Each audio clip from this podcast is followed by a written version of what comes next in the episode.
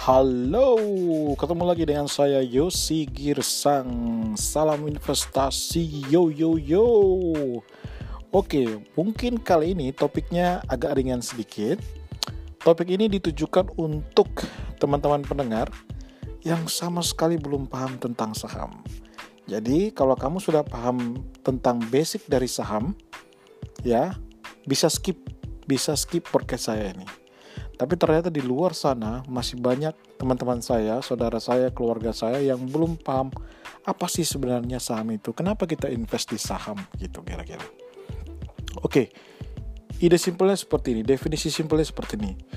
Jadi kalau misalkan nih ceritanya, ada seorang teman yang berbisnis uh, warung sate. Oke, nah kemudian dia misalkan memulai bisnis itu dengan modal 10 juta, dan sudah berjalan katakanlah 2 sampai 3 tahun, katakan 3 tahun. Dan bisnis itu menguntungkan. Tapi teman kita ini pengen mengembangkan bisnisnya sehingga dia butuh modal. Ya. Katakanlah laba bersih yang dia peroleh atau untung dia peroleh per tahun itu sekitar 5 juta. Tadi modalnya 10 juta, untung per tahun itu 5 juta. Sehingga dalam tiga tahun dia berjalan dia sudah untung 15 juta Artinya modalnya yang 10 juta udah balik gitu. Nah, karena bisnis ini sangat menjanjikan, akhirnya menawarkan ke kita untuk bergabung. Untuk expand di uh, daerah lain atau di tempat lain yang membutuhkan modal 10 juta juga gitu. Nah, karena dia tidak punya uh, karena dia cuman punya modal uh, kecil katakanlah 10 juta dan dia butuh membuka di dua tempat, akhirnya dia menawarkan bagaimana kalau kamu bantu saya uh, atau memasukkan uh, modal kamu ke bisnis warung sate saya sehingga saya bisa buka 2 sampai 3 cabang. Artinya kalau dia buka satu cabang butuh 10 juta, kalau dia mau buka tiga cabang lagi dia butuh 30 juta, ya. Jadi ada cabang yang pertama yang sudah berjalan modalnya awalnya 10 juta, kemudian mau buka tiga cabang lagi butuh 30 juta. Sementara dia cuma punya 10 juta jadi dia butuh 20 juta dari Anda.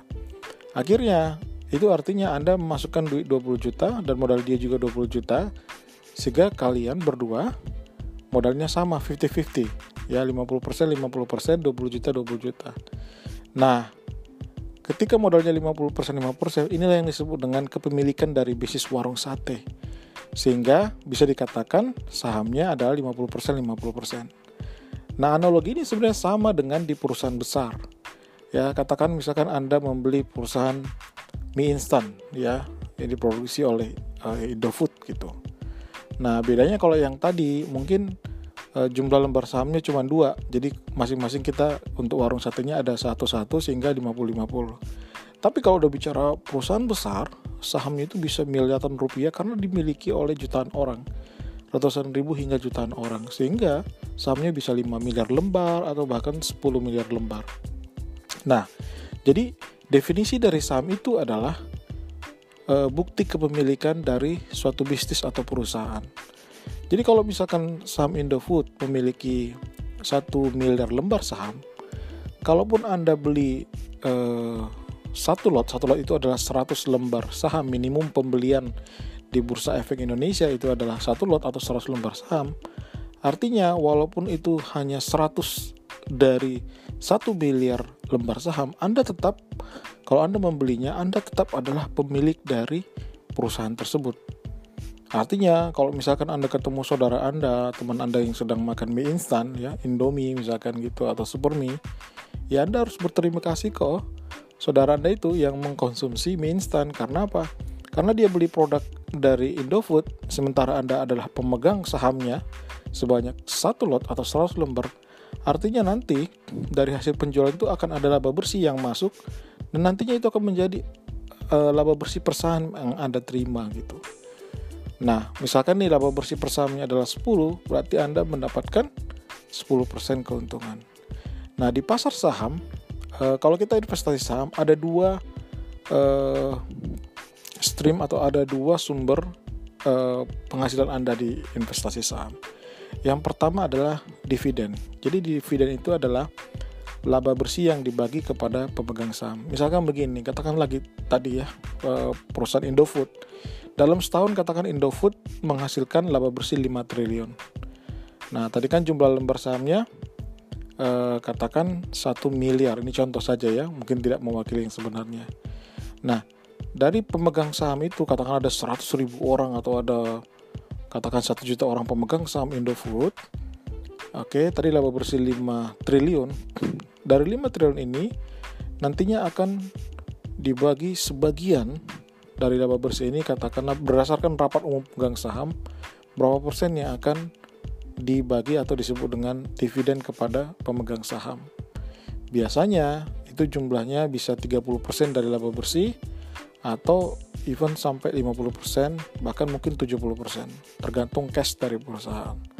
Katakanlah misalkan 30% dari laba bersih. Jadi kalau laba bersih 5 triliun maka eh, 3 persennya sekitar berapa itu? Kalau eh sorry 30 persen kalau 10 persen itu kan eh, 500 miliar berarti kalau 30 persen sekitar 1,5 triliun lah yang dibagikan kepada pemegang sahamnya yang satu juta misalkan gitu nah itulah yang disebut dengan dividen biasanya perusahaan yang mampu membagi dividen adalah perusahaan yang untung. Perusahaan yang sudah mungkin bertumbuh, sudah besar, dia mencetak untung dan dia membagi dividen kepada pemegang sahamnya.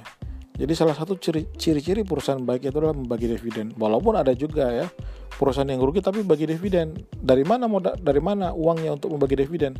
Dia meminjam mungkin dari lembaga keuangan lain jadi ngambil utang untuk bayar dividen. Nah ini nggak benar gitu.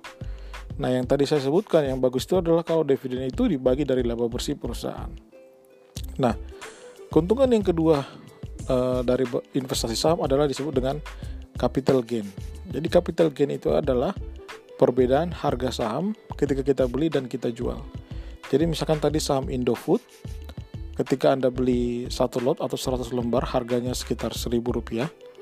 Kemudian setelah Anda pegang selama lima tahun, harganya naik menjadi 2000 per lembar sahamnya artinya Anda untung ada 1000 jadi 2000 dikurang 1000 jadi selama 5 tahun Anda memegang saham itu kemudian Anda jual maka untung Anda adalah dua kali lipat atau naik 100% dari 1000 menjadi 2000 Oke saya ulangi lagi. Jadi ada dua sumber keuntungan yang bisa Anda peroleh. Yang pertama adalah dividen yang kedua adalah capital gain. Nah menurut Warren Buffett ya investor saham legendaris yang sudah saya ceritakan di episode sebelumnya, biasanya perusahaan yang untung itu dan untungnya bertumbuh dari tahun ke tahun, maka akan diikuti juga oleh harga sahamnya. Artinya possibility atau kemungkinan perusahaan itu untuk uh, harga sahamnya naik untuk Anda memperoleh capital gain itu justru akan lebih besar kalau saham atau perusahaan itu bertumbuh. Laba bersihnya naik dari tahun ke tahun. Dan perusahaan yang untung juga lah sangat mungkin untuk bisa membagi dividen. Ada nggak perusahaan untung yang nggak bagi dividen? Ada. Nah, saya pribadi ya, ini saya menurut saya pribadi sebagai investor karena saya butuh passive income, saya lebih memilih perusahaan yang sudah untung dan rajin membagi dividen. Karena sebenarnya dalam uh, kita bicara tentang jangka panjang, otomatis orang investor itu juga membutuhkan yang namanya pemasukan, cash flow. Ya salah satunya adalah dari dividen ya perusahaan-perusahaan besar itu biasanya dividen yieldnya kalau misalnya kita membeli uh, sahamnya di uh, tahun yang sama itu bisa dapat 3%. Anda bayangkan kalau Anda beli sudah lima tahun sebelumnya ya dibandingkan dengan harga beli Anda bisa jadi itu mencapai belasan persen. Ya, gitu kira-kira. Jadi uh, berinvestasi dalam jangka panjang itu bagus karena apa? Selain Anda juga akan memperoleh capital gain, anda juga bisa memperoleh dividen. Dan pastikan lagi perusahaan itu adalah perusahaan yang mencetak laba bersih dan menguntungkan dan laba bersih itu sendiri bertumbuh dari tahun ke tahun sehingga Anda bisa memperoleh keuntungan. Jangan beli perusahaan yang merugi. Kira-kira itu penjelasan awal. Semoga teman-teman yang masih awam dengan investasi saham bisa paham. Terima kasih sudah mendengar podcast saya. Salam investasi Yosi Girsa.